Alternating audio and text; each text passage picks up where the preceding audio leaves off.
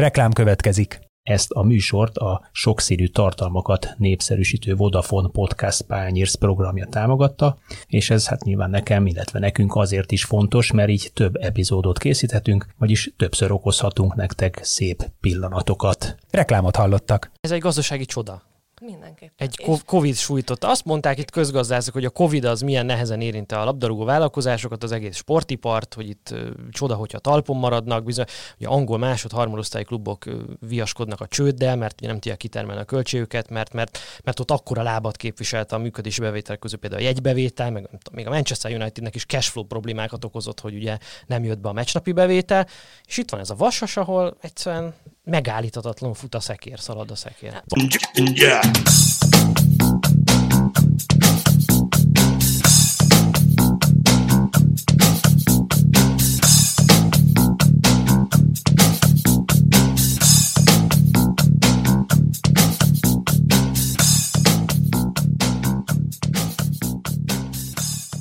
Sziasztok, ez itt a Zitzer, a 24.hu focis podcastja, én Kele János vagyok, és itt ül mellettem Kálnoki Kis Attila is. Szia, Ani, köszöntöm a hallgatókat. Véget ért az MB2-es bajnokság, és kiderült, hogy melyik az a két csapat, amelyik a következő szezonban az első osztályban folytathatja a szereplését. Az egyik a Debrecen, talán kevésbé meglepetés, bár ott sem volt eseménytelen és zöggenőmentes a szezon. A másik csapat viszont óriási meglepetést okozott, hiszen a Gyirmót végül megelőzte eh, Ami még nagyobb meglepetés. a Vasast. Megelőzte a Vasast. Így van, a Vasast, amely hát ö, NB1-es gólkirályok egész sorát, talán mondhatjuk így szerződtette nyáron, és az egyik legerősebb kerettel vágott neki a másodosztályú bajnokságnak, ezzel együtt nem sikerült ezt sportszakmai téren kiaknázni ezt az előnyét. Erről fogunk beszélgetni már csak azért is, mert a héten kijöttek ezeknek a most általam említett kluboknak a beszámolója, amiből picit mögé tudunk nézni annak, hogy milyen üzleti logika alapján egyáltalán mekkora pénzből lehet ma megkísérelni a feljutást az első osztályi magyar bajnokságban. Mennyiből sikerül, és mennyiből nem sikerül. Így Ugye van. A kettőnek az aránya az talán még érdekesebb összevetésekre vagy gondolatokat enged meg. No, és aki ebben segíteni fog nekünk, az Székely Sarolta, az m4.hu újságírója. Szervusz! Sziasztok, üdvözlök mindenkit. Te is szereted a futballt is magát, nem csak a gazdasági Sőt, oldalát. kötődésed is van. Azért most meséld el, hogy hogyan kötődsz azért ehhez a futballhoz, különösen most az MB2, MB1 határán a lebegő Debreceni VSC-hez. Igen, én nem csak a munkám során foglalkozom a focival, illetve annak a gazdasági oldalával, hanem, hanem magánemberként is szeretem a, ezt a sportágat. Szoktam meccsekre is járni néha-néha, hogyha úgy hozza ki a, a lépés, de a kötődésem az az, hogy én Debrecenben születtem, és elismerem, felvállalom, Debrecen szurkoló vagyok, és um, elsősorban Debrecen meccsekre szoktam járni. De jártál is azért az évek alatt, egyetemi évek alatt is feltételezem, hiszen az egyetemet is ott végezted, de ne legyél ennyire szerény, mondd el nyugodtan, hogy ott ültél a kanyarban, a lovarda, minek hívták őket, azt, a, azt az ultra csoportot, nem is tudom. Safety Prok? E, valami ilyesmi, igen. Igen, egyetemi éveim alatt kezdtem el Loki meccsekre járni, és akkor ez, ez meg is maradt mai napig. Hát ugye most már én Budapesten élek, úgyhogy nagyon ritkán jutok haza Debrecen meccsre, de, de nagyon jól mondott, tényleg ott ültem, inkább álltam a kanyarban, a, még az Olá Gábor utcai stadionban, illetve most már a Nagy Erdei stadionban is volt szerencsém kilátogatni egy-egy És meccsre. akkor még teltházas meccsek voltak sokszor. Igen, akkor még volt egy kicsit nagyobb varázsa ezeknek a találkozóknak. A jó Olá Gábor utcai pálya, igen. Én is Debrecenben egyetemistáskodtam egyébként, hogy én is jártam az Olá Gábor utcában, bár én nem vagyok olyan óriási Loki szurkoló, mert ugye egyébként nem Debrecen illetősége vagyok, de hát így még nagyobb öröm, tehát hogy egy szurkoló, aki egyébként a gazdasági részéhez is ért a focinak és szereti a focit, azt gondolom, hogy a, a lehető legjobb vendéget találtuk meg a mai adáshoz. Akkor itt nekinek van valami debreceni kötődésem, hogy én hajdúsági parasz gyerek vagyok, másfél No. évet éltem ott, ott születtem, úgyhogy hajrá. No, hát így így most azért furcsa lesz a vasas beszámolójáról beszélgetni, hogy Hát ezt így is, lelepleztük, is. mert uh, még a végén elfogultsággal vádol bennünket valaki. Azért ezt igyekezünk. Nem erről van szó. tartani. Nem maradunk a számok ö, talaján, szigorúan fogunk ragaszkodni hozzá. No, így van. Annyit mondj nekem, hogy elolvasva, meg te, te gyakran írsz a focinak a gazdasági aspektusairól, és ugye gyakran olvasgatsz olyan beszámolókat, amelyeket itt a futballklubokat működtető gazdasági társaságok adnak le. Uh, hogy kérdezem ezt szépen, mennyire szórakoztató ez, mennyire érdekes ez, mennyiben összehasonlíthatóak ezek a beszámolók más iparágakban működő, vagy más ágazatokban működő gazdasági társaságoknak a beszámolóival? Um, igazság szerint nem lehet egyébként ennyire általánosan um, meghatározni azt, hogy most mennyire átlátható, nem átlátható, informatív, vagy éppenséggel uh, titkolózók ezek a dokumentumok. Um, nagyon vegyes a kép. Tehát um, ugye az egyik legnagyobb kérdés mindig az szokott lenni, ami a társadalmat is foglalkoztatja, hogy mennyit keresnek a focisták. Ugye néha lehet hallani ilyen plegykákat, kiszivárgásokat, hogy mennyi fizetést kap egy-egy játékos. Na most, hogyha a beszámolóknak ezt a részét nézzük, akkor itt is van olyan, aki rossz példa, de pont a Debrecen, amely leírja, hogy hány sportoló van a alkalmazásában, és nekik mennyi a bérköltsége. Tehát, hogy ott egy egész, egész jól meg lehet határozni ezt, hogy mennyi az átlag fizetés, de hát ugye az átlaggal meg az a probléma, hogy azt ismerjük, hogy milyen egy-két nagyobb kereset az nagyon fel tudja húzni. Tehát nehéz valós képet kapni a gazdálkodásról, viszont mindenképpen iránymutató, illetve sejtetni enged dolgokat. Ami furcsa, az meg az meg látszik a számokból még így is. Melyik az első két-három mutató, amit ilyenkor megnézel? Um, engem személy szerint leginkább az árbevétel, illetve az egyéb bevétel az, ami érdekelni szokott. Egyrészt azért, mert a, főleg az NB1-ben, ugye én általában NB1-es csapatokkal szoktam foglalkozni, de, de az NB1-ben, illetve az NB2-ben is főleg a Debrecen Vasas esetében megfigyelhető az, hogy a piaci lába a bevételeknek, tehát hogy ez a kereskedelmi bevételek, a jegybevételek, mezzeladások, stb. ezek nagyon kis hányadát adják ki a, Nagyságrendileg? Össz... Nagyságrendileg, igen. A... De tudsz ja. százalékot mondani? Um, Hát vegyes a kép egyébként. Most például tavaly a Debrecennek 10%-a volt, a, ami csak jegy és bérletbevétel, a Vasasnál 4%, a Gyirmótnál meg azt hiszem én 1-1,5 százalék körül volt a, csak az, ami a jegy és a bérletekből jött össze. Tehát ez nagyon kevés. És um, sokkal nagyobb arányt képviselnek az egyéb bevételek. Támogatások, szponzori, rosszul mondtam, mert a szponzori az pont az értékesítési bevételben van benne, de az ilyen önkormányzati támogatás, TAO pénz, MLS támogatás, stb. stb. És az UEFA minden évben kiadja ezt a benchmark report tanulmányát, vagy összefoglalóját a legnagyobb bajnokságokról, és ott is rendszeresen felhívja a figyelmet arra, hogy hogy, hogyha egy gazdálkodás, egy klub gazdálkodásában nagyon magas ezeknek a bevételeknek az aránya, akkor ez um, bizonytalan finansz, klub finanszírozást jelent, és még nem jött ki a friss tanulmány, de ez mindenképpen érdekes, illetve nekem megdöbbentő volt, hogy, hogy a magyar bajnokság ez már kezd közelíteni a nyugat-európai klub, klubokhoz, klubok színvonalához, viszont hogyha a finanszírozási részét nézzük meg ezeknek a, a tehát a finanszírozást vizsgáljuk meg, akkor a magyar bajnokság a balkáni szinten van, illetve ilyen San Marinoi törpe államok szintjén, mert annyira magas ez a bizonytalan egyéb bevétel. Tehát, hogy a finanszírozás arányát, vagy a bevételi források arányát nézzük, akkor ez van elcsúszva inkább a, mondjuk úgy, hogy a, a hosszú távon nehezen föntartható, hiszen nem elsősorban a piacra számító, vagy a piacra épülő bevételekből. Igen, pontosan, mert ugye, hogyha egyszer, nem tudom, olyan gazdasági helyzet alakul ki, eltűnnek a szponzorok, az önkormányzatnak nem lesz pénze támogatásra, nem jönnek ilyen tulajdonosi befizetések, akkor ugye össze fog omlani, és akkor az eddig, nem tudom, két milliárdos költségvetés, az le fog csökkenni 400 millió forintra. Ebben van elmozdulás az elmúlt tíz évben? Vagy, és ha van, akkor milyen irányba? Um, nem igazán van, ahol rosszul mondom, mert az NB1-ben találni erre példát, ez a Fradi, illetve a, a videóton, Nekik ugye az elmúlt években összejött Európa Liga BL menetel, és ez azért sokat javította a finanszírozás összetételén, illetve a bevételek szerkezetén, ezért már nekik sokkal nagyobb mértékben vannak piaci bevételeik. De, de ezen talán, kívül talán egyébként, egyébként nem nagyon. Mindettől függetlenül, bár rám nem sütheti rá senki, hogy Fradi szurkoló vagyok, de azt kell, hogy mondjam, még a Fradi a, a leginkább piacról élő klub Magyarországon. Nyilván hagyományosan a legnagyobb szurkolótábora is van, tehát a legnagyobb megszólítható piaci rész is az övék.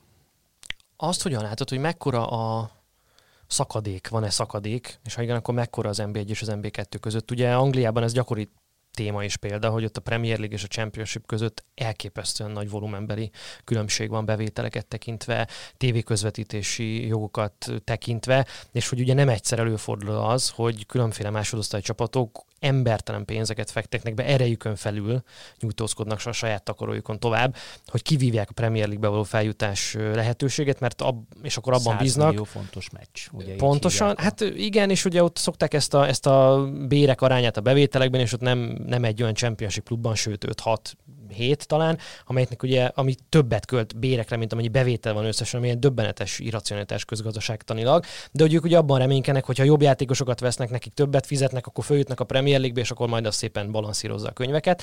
Szóval arra van, lennék kíváncsi, hogy van-e ilyen Magyarországon az MB1 MB2 között. Most ugye lehetett hallani arról, hogy átalakítják a finanszírozást, ugye három éves ciklusokat fognak nézni, de ugye azt feltételezném, hogy, hogy itt is lehet, hogy azért fordult el például a Vasas példája, akik ugye nagyon-nagyon sok pénzt fektettek ebbe a csapatba, hogy kivívják az NB1-es szereplés jogát, mert hogy sokkal több pénzt tudnak majd keresni. Hát mindenképp a, egyébként a Vasas ezt fel is vállalta, hogy ők most mindenberileg, szakmailag, anyagilag is mindent meg fognak tenni azért, hogy visszakerüljenek az NB1-be, azért, mert ott sokkal nagyobb bevételek vannak, szponzori pénzek is magasabbak, tévéközvetítés, tehát ez egy más liga. Um, a másik kérdésed a bocsánat, el is felejtettem, mert annyi mindent szerettem volna Hogy mondani. mekkora a szakadék ja, volumenben? Igen, szakadék. Um, van szakadék, most uh, az elmúlt szezon azért kicsit uh, furcsa volt, mert a Vasas Debrecen az ugye mondhatni MB1-es szintű csapat, Debrecen ugye egy évet töltött csak az MB2-ben, ott is tulajdonosváltás volt, stb. stb. Tehát um, nagyjából az MB1-es szintnek megfelel a, a bevételük. Ez egyébként a Debrecennél azt hiszem 1 milliárd forint körül volt az értékesítési bevétel, a Vasasnál meg nem is tudom, talán 700 millió forint körül mozgott. És ehhez képest az NB1-ben, hát hogyha Fradit, illetve a videótont és Fehérvárt nem számítjuk, akik már ugye ilyen 4, 5, 6, 7, 10 milliárd forintos összbüdzsével működnek, illetve a Puskás Ferenc Akadémia is ide sorolható, akkor a, az MB1-es mezőnek a többi része az, az ilyen 600-701 milliárd forint, tehát nincs ekkora szakadék. Nyilván azt meg már lehet vizsgálni tovább, hogy mondjuk a most... De ott a gyírmót. Igen, pont erre szerettem volna kitérni, hogy a gyírmótnak pedig összesen egy ilyen pár millió forintos bevétele volt a tavalyi évben, talán... 300, ha jól emlékszem. 300, 300 millió forint, tehát óriási különbség van, és akkor most el lehet képzelni, hogy mondjuk a Kaposvár, a, a Szent Lőrinc vagy a Szeged mennyi pénzből gazdálkodik de az összköltségvetések tekintetében is markáns különbség van mondjuk a, a Debrecen, maradjunk csak ennél a három uh-huh. klubnál, ugye ők, ők futották a versenyt a, a, a feljutásért, maradjunk ennél a három klubnál, tehát a, a DVSC Vasas, amelyik már a bajnokság elején e, kimondottan feljutási célokkal vágott neki, a DVSC is úgy fogalmazott, hogy nem csökkentenek a költségvetésen, megpróbálják megtartani az új tulajdonosi összetétellel ugyanazt a költségvetést, sőt, valószínűleg még ugye hoztak egyzőt, hoztak játékos, tehát ez még valószínűleg kicsikét növekedett is. Míg, míg ugye a, a, a Vasas pedig már lassan második éve próbál ugye nagyon magas költségvetéssel másfél éve egész pontosan, nagyon magas költséggel kimondottan NB1-re készülni, NB1-es költségvetéssel rendelkező klub mind a kettő. Ehhez képest a gyírmót mennyire van lemaradva? Ehhez képest a gyírmót az nagyságrendekkel le, le van maradva. Ugye itt most 700 meg 1, millió, 1 milliárd forintos bevételekről beszéltünk, ezzel szemben a Gyirmótnak ugye 300-400 millió forint volt, és ugye a másik markáns lába a bevételeknek, ugye ez az egyéb bevételek kategória, ebből is ilyen 100 millió forint az, ami a gyérmótnál összejött. Jegybevételek sem úgy alakulnak, ami valahol mondjuk érthető, mert ők... Pandémia az, is volt ráadásul, ugye? A pandémia is volt, de azért Például a Debrecen meg a Vasas esetében nem figyelhető meg, hogy olyan hatalmas mértékű visszaesés volt, tehát hogy a gyérmótnál mondjuk hagyományosan kevés, néhány millió forint az, amit, amire szert tesznek. Um, a, igen. Mekkora az összköltségvetés a klubnak? Ugye a bevételekről beszéltünk, de hát azért van egy kiadási oldal, és a kettő között általában szignifikáns különbség szokott lenni, amit valahonnan valakinek finanszírozni kell. Szignifikáns a különbség, főként a, a bérköltségek, illetve személy jellegű ráfordítások miatt. Ez ugye, um, ami az előbb szóba is került a Premier League-ben, hogy um, megfigyelhető, hogy többet költenek bérekre, mint ami bevételük van. Ez a magyar bajnokságban is megfigyelhető. Um, Lokinál is mindenhol előfordul. Vannak olyan évek, amikor mondjuk nagyjából a bevétel kitermeli a, a bérköltséget, de azért nem, nem ez a meghatározó. De egyébként ilyen pár milliárd forintos összköltségvetésről beszélhetünk. Ugye anyagjellegű ráfordítás nem annyira meghatározó, tehát mondjuk néhány száz millió forint. Ez függ attól is, hogy mondjuk a stadiont, ami felépült, azt mondjuk kiadták, más cég kezeli, gondozza vagy értékesíti a rendezvényekre. Hát, hogy kinek, kinek a mérlegében Igen. szerepel. Ugye a, a DVRC és a Gyirmótnál a klub mérlegében szerepel a stadion is, hiszen a stadiont mind a két klub saját maga üzemelteti, annak minden előnyével, hátrányával, bevételi, esetleges bevételi forrásaival, illetve a kiadási forrásaival. Ha jól emlékszem, akkor, akkor a, a DVRC-nek az összköltségvetése ilyen, ilyen stadionos domináns, ilyen 5 milliárd forint volt? Um, azt hiszem, hogy, hogy igen. Ezt őszintén szóval most így nem tudom fájból. Mert akkor ki kell kéne választani, hogy, hogy mennyi a sportköltségvetés, és mennyi az, amit ingatlanra, meg egyébre, az ingatlannal járó személyi kiadásokra fordítanak, hiszen azt mondtad, hogy pont a DVSC-nél egyébként viszonylag tisztességesen megmondják, hogy játékos bére összességében mennyit költenek, míg a klubok többsége általában általános személyi jellegű kiadásokat ír a, a, a mérlegébe, ami azt jelenti, hogy a takarítónénitől a fűnyíró bácsiig, a mosókonyhától és az étkezdétől a játékosokon át, meg az ügyvezetőn keresztül mindenki benne van. Pontosan, de mm, nem szeretnék hülyeséget mondani, viszont én úgy tudom, hogy a Debreceni stadionnak van egy külön létrehozott cég, amely foglalkozik a, a stadionnal. lehet, hogy én néztem félre. Viszont a, viszont a mérleg főszegben ugye benne van, mert a klub tulajdon a, a, a stadion, és ugye a Vasasnál meg nincs benne. Igen. A Vasasnál meg ugye a sport, tehát a Vasas SC a, a, a stadion, az egyesületé, és ugye a futballklubnak a mérlegében a mérleg főszegben nem jelenik meg, a, mint tehát a eszköz. Tulajdon meg vagyon szintjén lehet, hogy megvan a stadion, viszont ugye úgy, mint hogy takarítás, meg rendezvényszervezés költsége, vagy éppen bérbeadás bevétele, az nem szerepel a kluboknak a bevételei kiadásai között. Tehát ez, ez így helyes. No, amit, ami, én elolvastam a, vas, a Vasas beszámolóját, elolvastam a Gyirmótét is és a Debrecenét is, de ezek jóval rövidebbek. A Vasasnak a beszámolója az első, ami beugrik, hogy az az ilyen az én NB1-es klubok beszámolóihoz szokott szememnek meglepően részletes. Például ugye ott van, amit az Attila is említett, hogy a külön ki vannak emelve a játékos bérek, az edzőbére külön soron van, nem csak, és ugye, meg, ugye látjuk külön a személyi jellegű ráfordításokat, és látjuk, hogy abból mennyi a, mennyi a játékosok bére, egyébként 600 millió forint nagyjából. Ez ütötte meg egyrészt a szememet, másrészt azt, hogy itt van egy 200 millió forintos adózott eredmény a Vasasnak ebben a szezonban, tehát a sportszakmailag nem is üzletileg ez egy nagyon sikeres van, év volt. Miközben... És, és, várja, és van még egy, szerintem még egy, van egy fontos láb, ha jól emlékszem, akkor egy 770 millió forint. Igen, de arról lehet, hogy külön beszéljünk majd. Engem most külön. elsősorban az érdekelne, hogy, hogy itt ült Nagy Miklós ugyanebben, talán nem ült a stúdióban, mert online vettük föl vele, de ugyanebben a műsorban mondta azt, hogy hát MB2-es foci csapat, meg úgy foci csapatban általában nem, ő ugye a kisebbségi tulajdonos a Vasasnak, nem azért fektet az ember, hogy nyerességet realizáljon.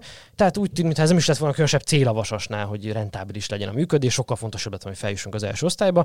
Ehhez képest sikerült egy 200 millió forintos adózott eredményt elérni, úgy, hogy ugye, amiről beszéltünk, már egy másfél milliárdos összbevétel volt, ez 13 os profitráta. Ez mennyire megszokott a magyar futballban? Szerintem egyáltalán nem megszokott. Tehát, hogy ez kiemelkedő nem csak MB2-es szinten, hanem NB1-es szinten is. Um, igazából jó, hogyha egy néhány tíz vagy egy 200 millió forintos nyereségeket lehet összehozni. Például mondjuk a Debrecen, hogyha már erről a három csapatról beszélünk, akkor ezzel példálózok.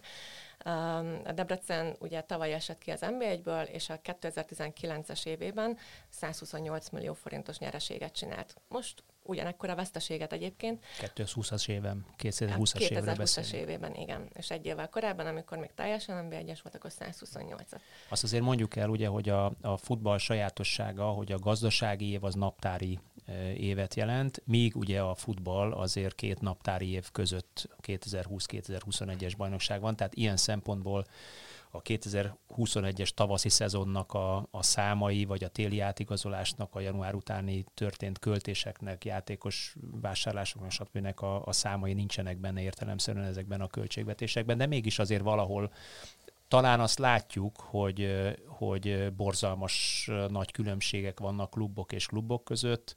Talán Csertő is erre utalt akkor a mérkőzés utáni, feljutás utáni pillanatban adott nyilatkozatában, hogy ez tulajdonképpen csodaként élik meg, mert, mert ez valóban az. Igen, mert hát azért, hogy akárhogy is nézzük, azért nagyon nagy költségvetésekkel versenyeztek ők, és valószínűleg az ő büdzsék nem engedte meg azt, hogy olyan játékosokat igazoljanak, mint mondjuk a Debrecen meg a Vasas tette. A, szem, a bevételekre, illetve igen, erre az egész költségvetésre visszatérve, ez egyébként ilyen, szerintem említettem korábban MB1-es szintnek megfelelő keret volt a Vasasnál. Az, hogy 200 millió forintos nyereséget értek el, ez annyira ritkaság, hogy legutóbb 2016-ban csináltak, vagy működtek nyereségesen, de akkor is egy 8 millió forintot um, hoztak össze pluszban. Um, én, eh, ahogy végignéztem a számokat, én arra tudok következtetni, hogy a tulajdonosok, biztos erre majd ki fogunk térni a későbbiekben, eh, nagyon-nagyon sok pénzt raktak be a... a... Erre próbáltam utalni, amikor rám Igen. a hogy ezt majd kicsit később. Na, de hát most van a kicsit később, tehát hogy, hogy ennek a nyereségnek az elsődleges oka, ugye egyszer az a 770 millió forint, ami, hú, most nem fogom tudni fejből lehet, hogy megmondani, hogyan néz ez ki a költségbeszámoló soron, hogy van megfogalmazva ez? ez? Egyéb bevételeken belül van tagi kölcsön, nem, tagi... Nem. Tulajdonosi hozzájárulás, igen, ha jól igen. emlékszem.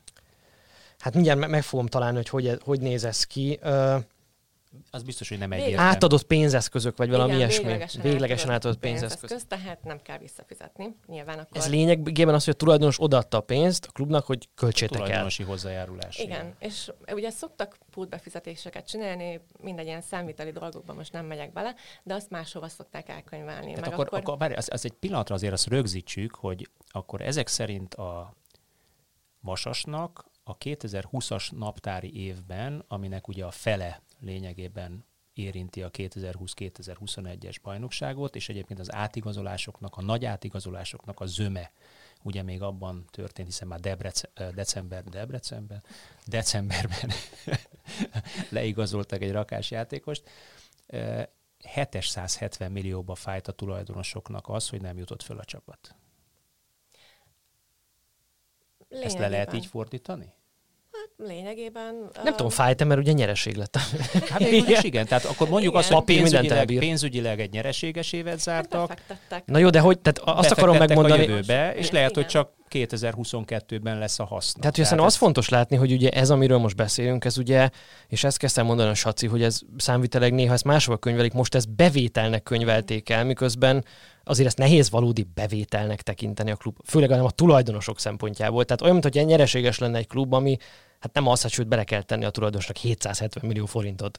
És gyakorlatilag csak ezért lett nyereséges. Így hát ez olyan, mint olyanképpen ugye a, a Manchester City-t és a, a hasonló olajmilliárdokkal kitömött klubokat szokták azzal ö, ostorozni, hogy tulajdonképpen ö, nem a FIFA Fair Play szerint, vagy UEFA Fair Play szerint működnek, hiszen ugye jóval nagyobb a tulajdonosi betét, vagy, vagy tagi hitel, vagy nevezük, aminek akarjuk, vagy mi volt ez a pontos, bocsánat. Átadott pénz, véglegesen átadott pénzeszközök bevétele. Átadott pénzeszköz bevétele, mint egyébként, amit a piacról be tudnának tenni. Abraham, Abramovicsot is szitták ezért ugye eleinte a Chelsea-nél, hogy... Igen, de, de, még, de még az sem néz ki így papíron. Tehát, hogy ez a, ugye a Vasasnak az összes bevétele volt ez az 1,5 milliárd forint, és ugye, hogyha beleteszem ezt a 770 milliós tulajdonos, az is 50 százalék, de hogyha ehhez hozzáadom, amivel ugye szokták vádolni a City-t, meg a Paris Saint-Germain, meg a korábban a Chelsea-t, a Chelsea, ez már régen nem igaz, már hogy ugye valójában a szponzori bevételek is ilyen bújtatott tulajdonosi hozzájárások, mert hogy a Emirates légitársaság, meg az Abu Dhabi azért veszi meg annyira meszt, hogy azon keresztül, mert hogy nyilván ugyanaz. Hogy a piaci ár fölött veszi. Na hát a Vasasnál ugye az OTP bank a, a MESZ szponzor, ami ugye nagyon sok szálon kötődik a többségi tulajdonos Nagy Györgyhöz, meg az ő cégeihez. Tehát, hogyha még ezt is hozzáadom, a 470 milliót, a szponzori bevételeket, él, élve a gyanú, hogy az MB2 azért nem olyan nagyok egyébként a szponzori bevételek, az már egy 1,2 milliárd forint, ami a 83% a teljes bevételnek. Ilyen mutatót én nem találtam se a City-nél, se a Chelsea-nél. Nem. A Vasas lenyomta a city meg a Chelsea-t, akkor etére mindenképpen. Igen, hát Sőt, még a PSG-t is valószínűleg. Abszolút. Valószínűleg, igen, de még egyébként ezzel a szponzori pénzekkel kapcsolatban nekem lenne egy érdekes, vagy számomra megdöbbentő um, észrevételem, hogy ez 470 millió forint, és nem csak MB2-es szinten kiemelkedő, de MB1-es szinten is kiemelkedő. Tehát megnéztem, ugye mert MB1-ből is jönnek ki a beszámolók, és ezeket én is így vezetgetem, meg gyűjtögetem lefelé az adatokat, és szerintem az MB1-nek biztos, hogy a felénél több ez a 470 millió forint. Tehát Kisvárda, Paks, Zalagerszeg, Mezőkövesd, talán a Diósgyőr, ebben most nem vagyok biztos, és igazából ahol mondjuk ennél több bevét, szponzori bevétel van, az a Fradi, a Fehérvár, gondolom a Puskás Akadémia, és, és ennyi. Tehát, hogy ez, ez valami bőtületesen... a például a Honvédnak ennél több lenne, 470 Nincs, nincs. Biztos vagyok benne, nincs. hogy Ez egy gazdasági csoda. Mindenképpen. Egy Covid sújtotta. Azt mondták itt közgazdászok, hogy a Covid az milyen nehezen érinte a labdarúgó vállalkozásokat, az egész sportipart, hogy itt uh, csoda, hogyha talpon maradnak, bizony, hogy angol másod, harmadosztályi klubok uh, viaskodnak a csőddel, mert nem tudják kitermelni a költségüket, mert, mert, mert ott akkora lábat képviselte a működési bevétel közül például a jegybevétel, meg még a Manchester Unitednek is cashflow problémákat okozott, hogy ugye nem jött be a meccsnapi bevétel, és itt van ez a vasas, ahol egyszerűen megállíthatatlan fut a szekér, szalad a szekér. Annyira fut, hogy, hogy Covid volt, zárt kapus meccsek voltak, és mégis sokkal nagyobb marketing értéke, értéke van a Vasasnak, mint mondjuk az Alegászagnak, vagy a Kisvárdának. De akkor ezt úgy is le tudom fordítani, hogy akkor az 1,2 milliárd forintnyi e, tulajdonosi hozzájárulás, vagy vissza nem térítendő, mi volt? Nem tudom megjegyezni ezt a nevet. Véglegesen átadott pénzeszközök Véglegesen bevétele. Véglegesen átadott pénzeszköz bevétele, illetve a, a, ehhez e, ezer szárral kötődő szponzori bevételekből 200 milliót nem költött el akkor a Vasas ugye? Tehát egy milliárdot elköltöttek, 200 milliót nem költöttek el ezek szerint. Tartalékoltak mondjuk. Legalábbis 2020-ban. Igen, 2020-ban, lehet, hogy 21-ben már elköltötték, igen, de a 2020 január-február környékén az átigazolásokra már elment az a plusz. Szép. Na most ehhez képest vizsgáljuk meg akkor ugye ezt a, ezt a feljutást, meg nem feljutást. Aztán nyilván lesznek ennek is szerintem pénzügyi észrevételei, de nyilván vannak szakmai észrevételei is. Ti ezt hogy látjátok? Még egy gondolat erejéig visszacsatlakoznék a számokra, mert teljesen véletlenül észrevettem, hogy beszéltünk itt már 700 millióról, 400 millióról, de volt még 200 millió forint hitel, amit felvettek, ez a cashflow-ból uh, derült ki. Pontosabban 220 millió forint, ebből mondjuk 200 milliót visszafizettek a tavalyi év során, de hát úgy le, tehát hitelt azt akkor szokott azért felvenni az ember, hogyha likviditási nehézségei vannak. Tehát, hogy én elképzelhetőnek tartom. Nyilván ez egy teljesen um, megalapozatlan okfejtés, hogy um, mondjuk az átigazolási szezonban, vagy amikor ugye a Covid nagyon beütött a, a gazdaságra, akkor um, akkor kellett hirtelen pénz. Hogy mondjuk ez most OTP banktól jött, tulajdonosoktól jött, az már nem derül ki, mert ugye ennek a nagy részét vissza is fizették. Nekem is van még egy, ami szintén a számokhoz kapcsolódik, mert szintén én nem értem. Tehát, és itt most tényleg nem értem, tehát nem a cinizmus szól belőlem, tényleg nem értem. Ugye, mert azt hiszem fontos adalék megemlíteni itt, hogy mikor tulajdonosi hozzájárulásról beszélünk, és ez a 770 millió forint szintén példás, szintén nagyon-nagyon általam nem nagyon látott beszámolókban le van vezetve az is ebben a beszámolóban. Adjuk meg a vasasnak, korrekt, ez végtelenül korrekt. hogy 770 millió forintos tulajdonosi hozzájárulásból Teljesen a beszámoló szerint 90 millió forint köthető el a Nagy Györgynek ez a Homel 2000 vagyonkezelő Kft-hez, ami ugye multimilliárdos vállalkozónak a vagyonkezelői cége. Tehát a 770-ből 90 millió jön a többségi tulajdonostól, aki 79%-ban tulajdonolja a klubot, és a fennmaradó összeg az egyrészt ugye Nagy Miklóstól jön, mint kisebbségi tulajdonostól, másrészt pedig egy az ő tulajdonában álló informatikai Kft-től ugye az mennyire megszokott, és ezt mondom tényleg teljesen komolyan kérdezem, hogy a, hogy a 20%-nyi tulajdonrészsel rendelkező kisebbségi tulajdonos fekteti be a csapatba az ilyen elképesztő méretű tulajdonosi hozzájárulásnak a 80%-át. Nem hinném, hogy megszokott lenne, bár alapvetően az sem nagyon megszokott, hogy ilyen sok tulajdonosa van egy fociklubnak, általában ezek egy személyhez, egy céghez köthetők.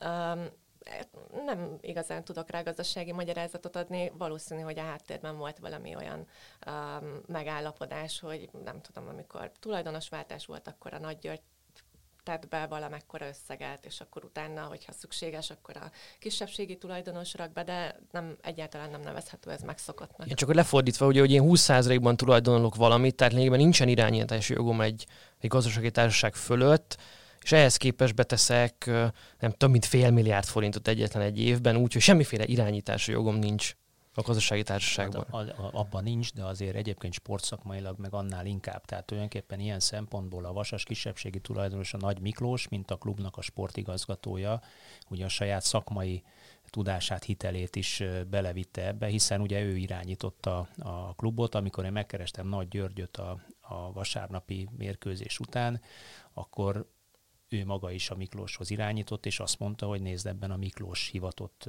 állást foglalni ezekben a kérdésekben, amit szeretnél nekem föltenni a feljutás vagy nem feljutás kapcsán. Jó, tiszta sor, oké. Okay. Nem mondom, hogy értem, de tiszta sor. Figyelj, a, a, a gazdasági törvények azért nem írják elő, sőt a tulajdonosok megegyezhetnek abban is, hogy a kisebbségi tulajdonos finanszíroz mindent, a többségi tulajdonos meg csöndben marad. Tehát az, az azért nincs előírva, hogy ha én 75%-ban vagyok tulajdonos, a másik pedig 25-ben, akkor kötelezően a költségek és a, a kiadások 75%-át be Nincs előírva, csak engem nehezen győzni, meg, hogy a közös cégünk valamiben te 75%-ot viszel, nem én finanszírozzam az egészet. Kétségtelen, hogy nem szokványos, de, de nincs, nincs előírva. Nincs, nincs. Ahogy nincs. az sincs előírva, hogy a, a, a nyereségből is ugyanilyen nincs. arányban Valóban nincs. Általában így szokott lenni, de nincs előírva. És az sincs előírva, hogy akinek több pénze van, az a végén feljut. Ettől is szép a futball. Úgyhogy tényleg Igen. beszéljünk erről. Uh, az, az, az itt az alapvető kérdés, hogy, hogy ezek szerint el lehet ezt ilyen rosszul költeni, ennyi pénzt? Hát várják, rosszul költötték el, vagy nem rosszul? Ugye ez is egy, ez is egy uh-huh. vita alap. Mit, mit értünk az alatt, hogy jól elköltés, vagy rossz elköltés? Mert tulajdonképpen, ha azt nézzük, akkor igazoltak egy raklap játékost, ráadásul egy raklap NB1-es játékost, minőségi játékost, olyanokat, akiket inkább azt gondolta volna az ember, hogy az akkori NB1-es klubokból, nem hogy NB2-ben, hanem följebb, tehetősebb NB1-es klubokba, vagy külföldre visznek, Lásd Radó, akinek tudtommal volt egy dél-koreai nagyon komoly ajánlata, és a dél-koreai nagyon komoly ajánlat helyett választotta a Vasast. Vagy Sie, aki kiváló ö, szezont, szezonokat futott mezőköves, de nagyon szépen építették föl. Hiányposzton játszik, kvázi magyar játékosként, hiányposzton baloldali, hát minek nevezem, szárnyvédőként, Szárnyvédő. szárnyvédőként játszik azt gondolná az ember, hogy, hogy följebb lép, ehhez képest visszalép, de mondhatnám a pátkait, stb. Tehát itt, itt azért lehet Otikba, Litauszki, olyan nevek vannak, akik vagy válogatottak, vagy válogatott bőkeretben már voltak, tehát egészen döbbenetes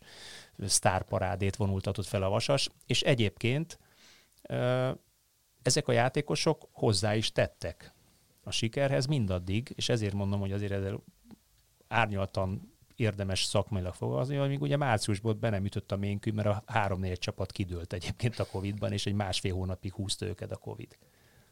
Pont ezek a játékosok dőltek ki. Feszesin például nem tudom mióta nem játszott, aki egyébként meg kulcspozíció, tehát a gólok többségét Feszesin rúgta. Jó, akkor mondhatjuk ezt úgy is, hogy valójában, és egyébként ez egy 78 pontot szerzett a Vasas, ami egyébként hát nem néztem utána, azt mindig elég lett volna. Mondom, az elmúlt hat évben elég lett volna, feljutáshoz mindenképpen. De még a bajnoki de címhez még a bajnoki is. címhez is azt hiszem egyszer vagy két. Az, hogy valójában akkor itt arról van szó, lehet, hogy a Vasas nem is költötte rosszul mondok, ezt a pénzt. Mondok egy mást. Mondok egy még megdöbbentőbbet. Na mond. Huszti Szabolcs kinevezése pillanatától kezdve a Vasas 8 ponttal többet szerzett, mint a DVSC. Miközben a Huszti Szabolcsot és a DVSC-t ünnepeljük a feljutás miatt, Aközben a Schindler Szabolcs a Vasas edzőjét, meg, meg lényegében aki, bukott aki edzőként. edzőként megnyerte a bajnokságot, így fogalmazott, Igen, össze a legtöbb pontot. Azért az zárbe nem volt egy szerencsés időpillanat, hát még nem. a tény is nem volt egy szerencsés időpillanatban elhangzott mondat, nem. de ettől még tény. Ehhez képest őt kvázi bukott edzőként kell kezelni, vagy kezelik sokan, miközben egyébként nem az, szerintem, zárójel bezárva. Tehát nagyon, nagyon érdekes... Szóval mégiscsak oda lyukadunk, amit mondani akartam, hogy valójában az történt, hogy Gyirmót mindenféle logikára rácáfolva, abból a nagyon kevésből, ami nekik van, abból valószínűtlenül sokat hozott ki. Tehát a kevés pénzből értem azt, hogy nagyon nagy hatékonysággal építettek csapatot, és valószínűleg sok pontot szereztek. Ebből nem tudom, 300 millió forintból, ami döbbenetes. Kicsit beszéljünk a Gyirmontnak a hátországáról, hogy ott ki, kik állnak mögötte, ugye ez az Alcufer nevezetű hulladék gazdálkodási Igen, társaság? gazdálkodási társaság, két um, testvérpár vette át az édesapja halála után a, a klubnak a, az irányítását, illetve a tulajdonjogát az édesapa célja, vágya volt az, hogy NB1-es csapat legyen a Gyirmut, tehát hogy igazából... Öt éve volt is. Öt éve volt is, igen, és most akkor megint. Nekem leginkább egy ilyen szimpatikus kis csapat képét mutatja a Gyirmut, akik azért küzdenek a Győrietó árnyékában, mind a szurkolói szinten, mert ugye ezért a szurkolóknak nehéz elfogadni a gyérmótot, mint pedig ugye a pályán, mert sokkal nagyobb költségvetésű csapatokkal kell megküzdeniük, és jövőre pedig még inkább. Az is egy érdekes dolog egyébként ebben, hogy ha már gyírmót, akkor talán a, a, az összes NB1-es és a nevezett NB2-es klubokról, akikről beszélgetünk, a gyírmót az, amelyik torony magasan talán a legkevesebb úgynevezett hát minek nevezzem ezt állami forrásból, társasági adóforrásból részesült. Tehát amit ők ott paradicsomi állapotokat létrehoztak ahhoz képest, ami volt tíz évvel ezelőtt gyírmóton az alul lelátó, stb. szotyolázós állós lelátóhoz képest, edzőpályákban, stadionokban, azt azért arányait nézve jelentősebb részben önerőből, vagy ha úgy tetszik, akkor a vaskereskedésből hozták össze. Igen, mindenképp nem, nem látszik úgy, mintha ők túl akarnának nőni a kereteiken, illetve a lehetőségeiken, még hogyha csak néhány millió forint a jegybevétel, de akkor abból próbálnak meggazdálkodni.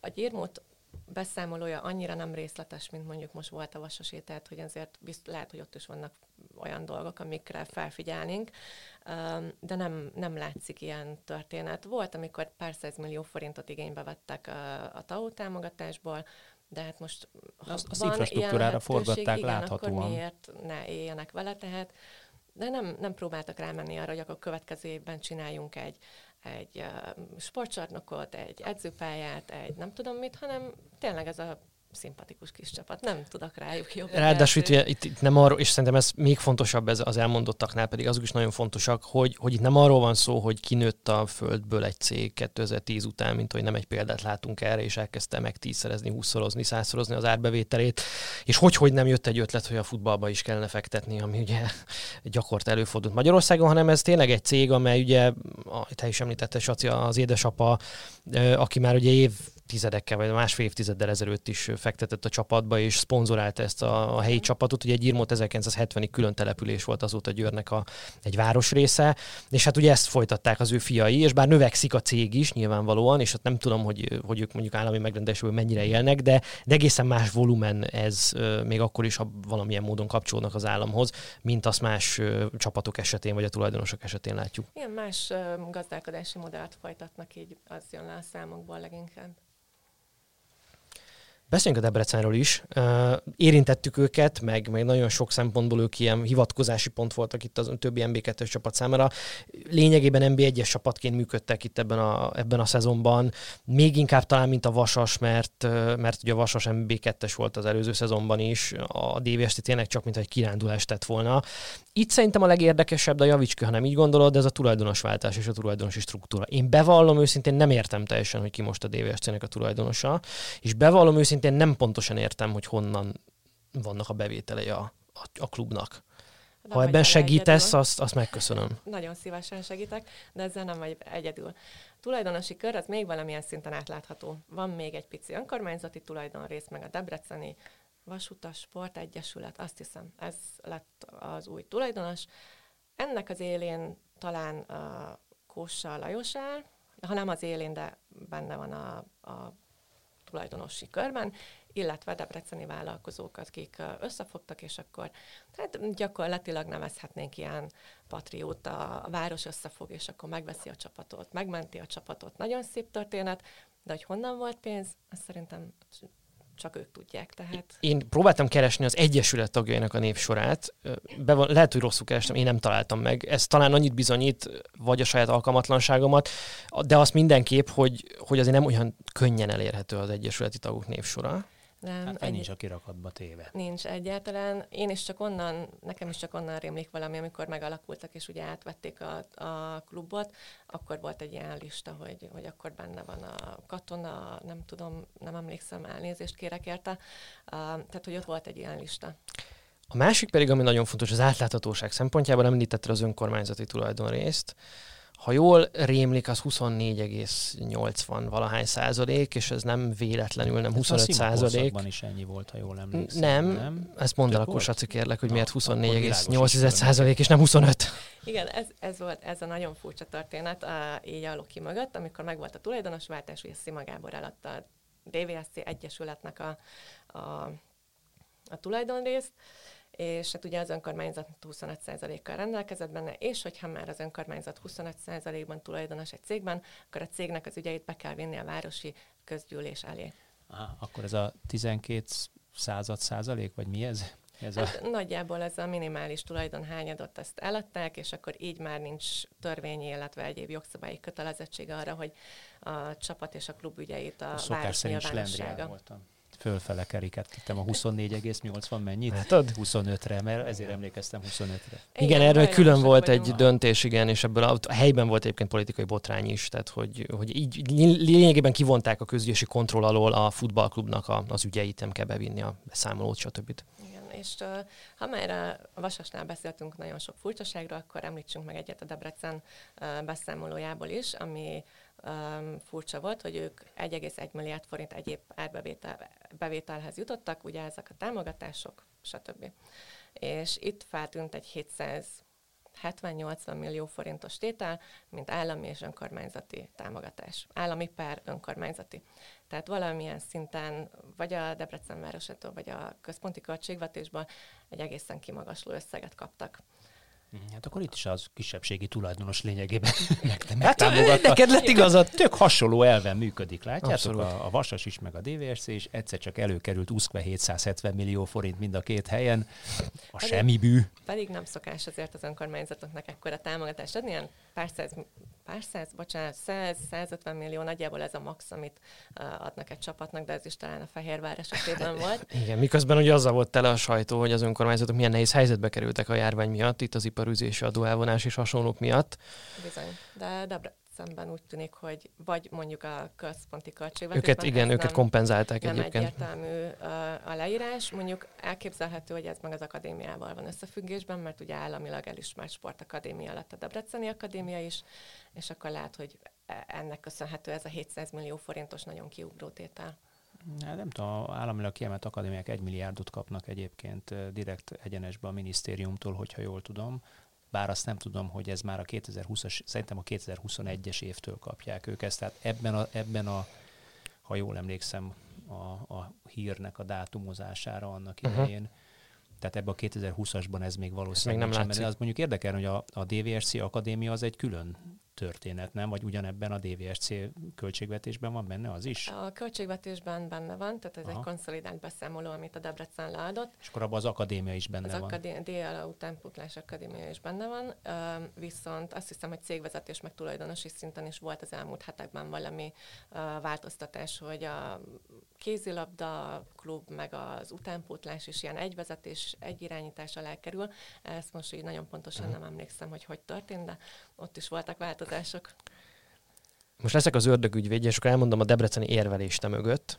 Az ugye az, hogy azért így működik a Debrecen, ad egy, mert hogy a legsikeresebb magyarországi példa a Ferencváros, az szintén ezt a típusú egyesületi tulajdoni és irányítási jogokkal egybetűzzel történetet viszi, tehát hogy ott is nem egy piaci szereplő vagy egy darab tulajdonos áll a klub mögött, hanem igazából lényegében az egyesület, vagy az állam. Mindegy. A másik pedig az, hogy hát ez nemzetközileg sem ismeretlen dolog, mert hogy a német klubok is így működnek. Ugye erről nem régiben például Petri Zsolt ugye kapcsán volt szó, hogy ott bár egyébként üzletemberek gazdasági tulajdoni hányadot, és itt megint Attilának kell igazat adjak, hát megvehetik a 75%-át a klubot működtető gazdasági társaságnak, csak az irányítási jogoknak az 50% plusz egy részvény, szavazat az mindig az egyesületnél kell, hogy maradjon, tehát gyakorlatilag a tagirányítás alatt marad a, a klub. verte ki a biztosítékot. Hát itt a Lipcse, meg ugye vannak kivételek nyilván a Volkswagen, a Wolfsburgnál, a Bayer, a Leverkusennél, tehát ahol 20 évnél messzebbre tekint vissza az a kapcsolatot, ugye lehet kivételeket tenni. Aztán Bayern Münchennél most már talán az Adidas, vagy az Audi, vagy talán mindketten ugye most már ebbe a körbe esnek, mint kvázi mint tulajdonosok. Na ez mennyire jogos érvelés? Tehát ez tényleg ugyanaz, amit Debrecenben látunk, mint a németországi modell? Szerintem joggal vetődik fel ez a gondolat, hogy, hogy tényleg ez volt-e a, a fejekben, amikor ezt kitalálták, ezt nyilván csak, csak ők tudják, de szerintem nem ördögtől való gondolat, hogy, hogy ezt a példát szeretnék követni, illetve ezt a gazdálkodási, finanszírozási, megműködési modellt követnék le. Ez jó vagy rossz? Hmm. Vagy hogy ítéled meg? Lehet ez akár jó is? Én öm, személy szerint nem szeretek ilyenekbe öm, belemenni, illetve megítélni, hogy most ez jó vagy rossz. Szerintem ez úgyis majd Idő idővel eldönti. fog kiderülni, hogy, hogy tud-e úgy működni, meg lehet-e úgy működtetni, hogy ez mondjuk a tulajdonosi céloknak megfeleljen. Tehát, hogyha ők azt mondják, hogy nekik jó a fix NB1-es középcsapat szint, mert ott úgy el tudnak gazdálkodni, és ha néha-néha tíz évben egyszer összejön egy bajnoki cím, az szuper, hát akkor jól csinálták. Ha ők ki akarnak menni BL szintre, L szintre, nemzetközi kupaporondra, és akármit csinálnak, nem jön össze, csak pénznyelővé válik, akkor nyilván ez egy nem működő modell. Tehát szerintem itt még elég korai elkezdni, hogy vagy megítélni ezt a dolgot. Hát nyilván, ami ebben mindig érdekes, hogy, hogy ilyen intézményeket le lehet máson viszonylag könnyen, tehát hogy létrehozol jogilag egy hasonló cég struktúrát, de hogy például Németországban az igazi értékét a, a kulturális intézmény jellege adja ezeknek, tehát ha nem véletlenül van az, hogy ott nem lehet ezt az 50% plusz egyes szabályt eltörölni, hogy ott, ott valóban arról szól, hogy a tagság az abban hisz, hogy a klub egyébként képvisel valamit, hát most elég arról beszélni, hogy ugye Németországban felül a klubnév van a mezen, és alul van a játékosnak a neve, tehát hogy, de hogy ott mennyi időbe tellett, míg mez szponzort rá lehetett vinni a trikóra, meg hasonló dolgok és ugye ennek egyfajta manifestum az, hogy beengedünk tulajdonos, beengedünk tőkét, de hogy alapvetően elsősorban ez egy klub, és majd csak utána gazdasági társaság, és hogy ezekről a célokról, hogy Debrecenben nem biztos, hogy annyira sokat tudunk, hogy itt most mi a fontosabb, vagy nem tudom, hogy én lehetnék-e a Debreceni Vasutasport Egyesületnek a tagja. Szavazhatnék-e, hát, biztos. Erre akartam kitérni, hogy azért a, a, a német klubokban az a szexi, hogy ott van klubtagság. Tehát mondjuk egy Bayern Münchennek, ha jól emlékszem, 250-300 ezer klubtagja van, aki befizeti a klubtagság díjat, mondjuk hasonlítok fejből nem tudom mennyi utána ezek mondjuk 100 eurót per év, és ezért Ez ő kap egy, szavazhat. És ezzel kap egy, kap egy kis kártyát, azzal szavazhat, de semmi más nem kap. Tehát ez nem kap belépést a meccsekre, ugyanúgy meg kell vegye a bérletet, de még csak kedvezményt se kap szerintem, bár lehet, hogy az kap a, a shopban mondjuk egy 5-10 százalékot, vagy valami ilyesmit, de Isten igazából a futballcsapat az igazi értékében, hogy én ott ülhetek a lelátón és láthatom mindig a meccseket, abban nincs benne. Ellenben az egy kis szavazati jog, az, az ott van, és ő az, aztól úgy érzi magát, hogy ő egyrészt adott a klubnak, most számoljuk ki gyorsan, csak ezt a 100 eurót mondom a 250 ezerrel, az egy viszonylag szép szám. Más, tehát bevételi oldalon is megvan a tagsági bevétel, másrészt meg van egy, van egy szavazati jog, ami, ami azért feltételez az, hogy, hogy nekem van egy kis erőm és egy kis beleszólásom. Ha én ügyes vagyok és összefogok 40-50 ezer klubtársammal, akkor mi mit hatékonyan tudunk beleszólni a klub érdekeibe. Hát, hogyha egyszer ide eljutna mondjuk egy magyar klub, egy így működő magyar klub, akkor én nagyon örülnék. Egyrészt azért, mert lenne valós piaci alapú vagy közösségi alapú bevétele, mondjuk maradjunk ennél az évi, mit tudom 12 ezer forintnál, vagy mondjuk egy nullával nagyobb 120 ezer forintnál, bár az kicsit irreális talán. Az sok.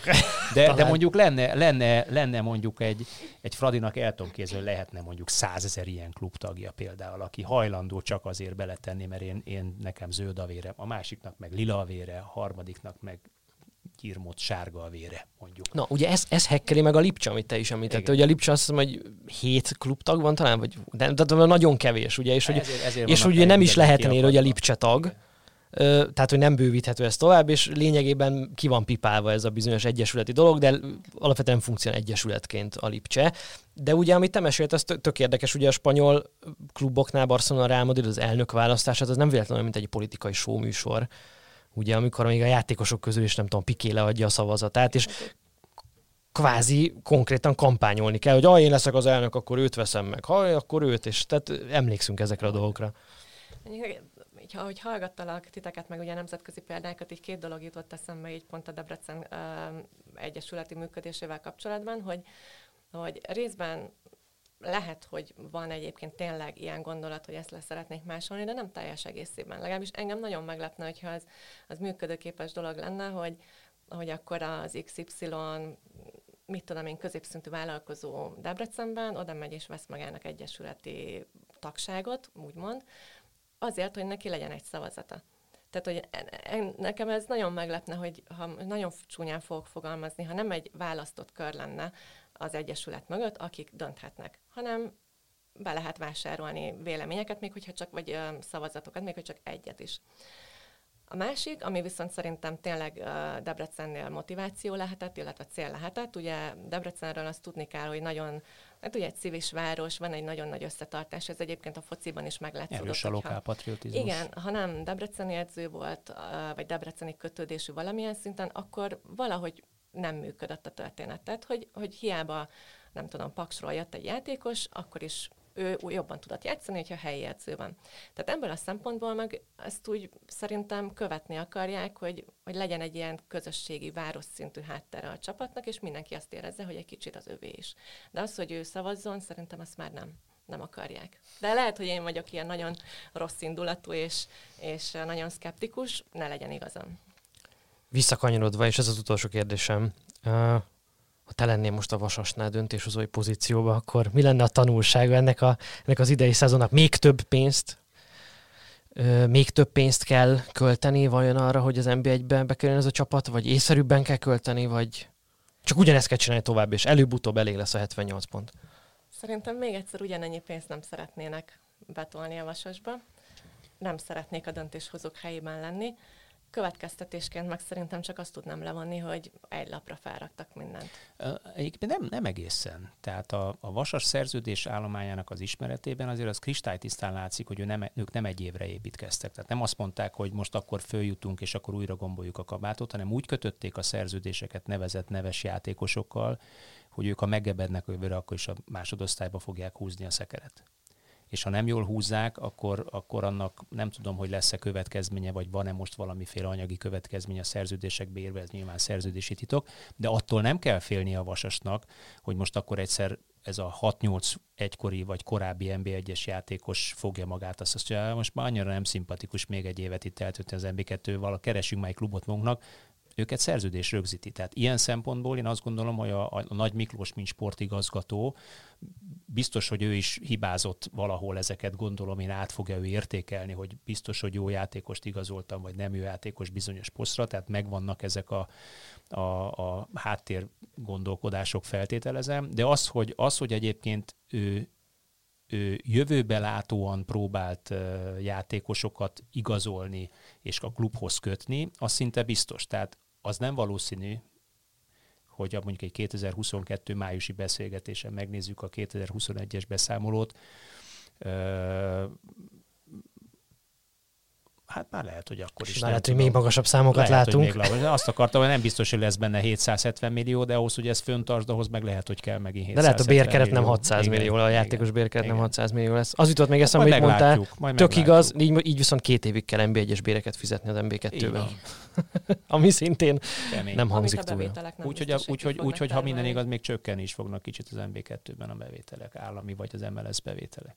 No így van, hát majd beszélünk erről a témáról, szerintem még nem ez volt az utolsó alkalom. Saci, neked köszönjük szépen, hogy itt voltál, a hallgatóink figyelmét pedig szeretném fölhívni a Sport24 nevű oldalunkra. Bizony aloldalunkra, új termékére 24.hu-nak, amely lényegében előfizetéses kontentet kínál sport témában, válogatott szerzőkkel. Azért merem ezt így mondani, mert Attila és én is ott vagyunk a csapatban, meg még sokan mások. De, de, is ez a lényeg, hanem szívünk szerint inkább olyan tartalommal, ami talán máshol nem érhető el a magyar médiában. Olyan exkluzív tartalmakat próbálunk adni, írni. Sokszínű tartalmak? Sok-sok tényleg remek szerzővel sokszínű A tartalmak. szép irodalomtól az elemzésekig? Ami, ami talán megéri azt a érdeklődésre minimális, tarthat kis... számot. Így van. Most bevezető ára 490 forint havonta. Nem egy nagy tétel. Szerintem sem, ezért minimum 24 írás tudunk garantálni a szerzőinktől, de hát szerintem lesz ez még több, és ugye közeleg a Futball Európa bajnokság, az sem múlik majd el nyomtalanul, sem itt az Itzerben, sem a Sport 24-ben, de majd erről a maga idejében fogunk kommunikálni. Most köszönjük szépen a figyelmeteket, tartsatok velünk a jövő héten is. Sziasztok! Köszönjük, sziasztok! Köszönöm én is a lehetőséget, sziasztok!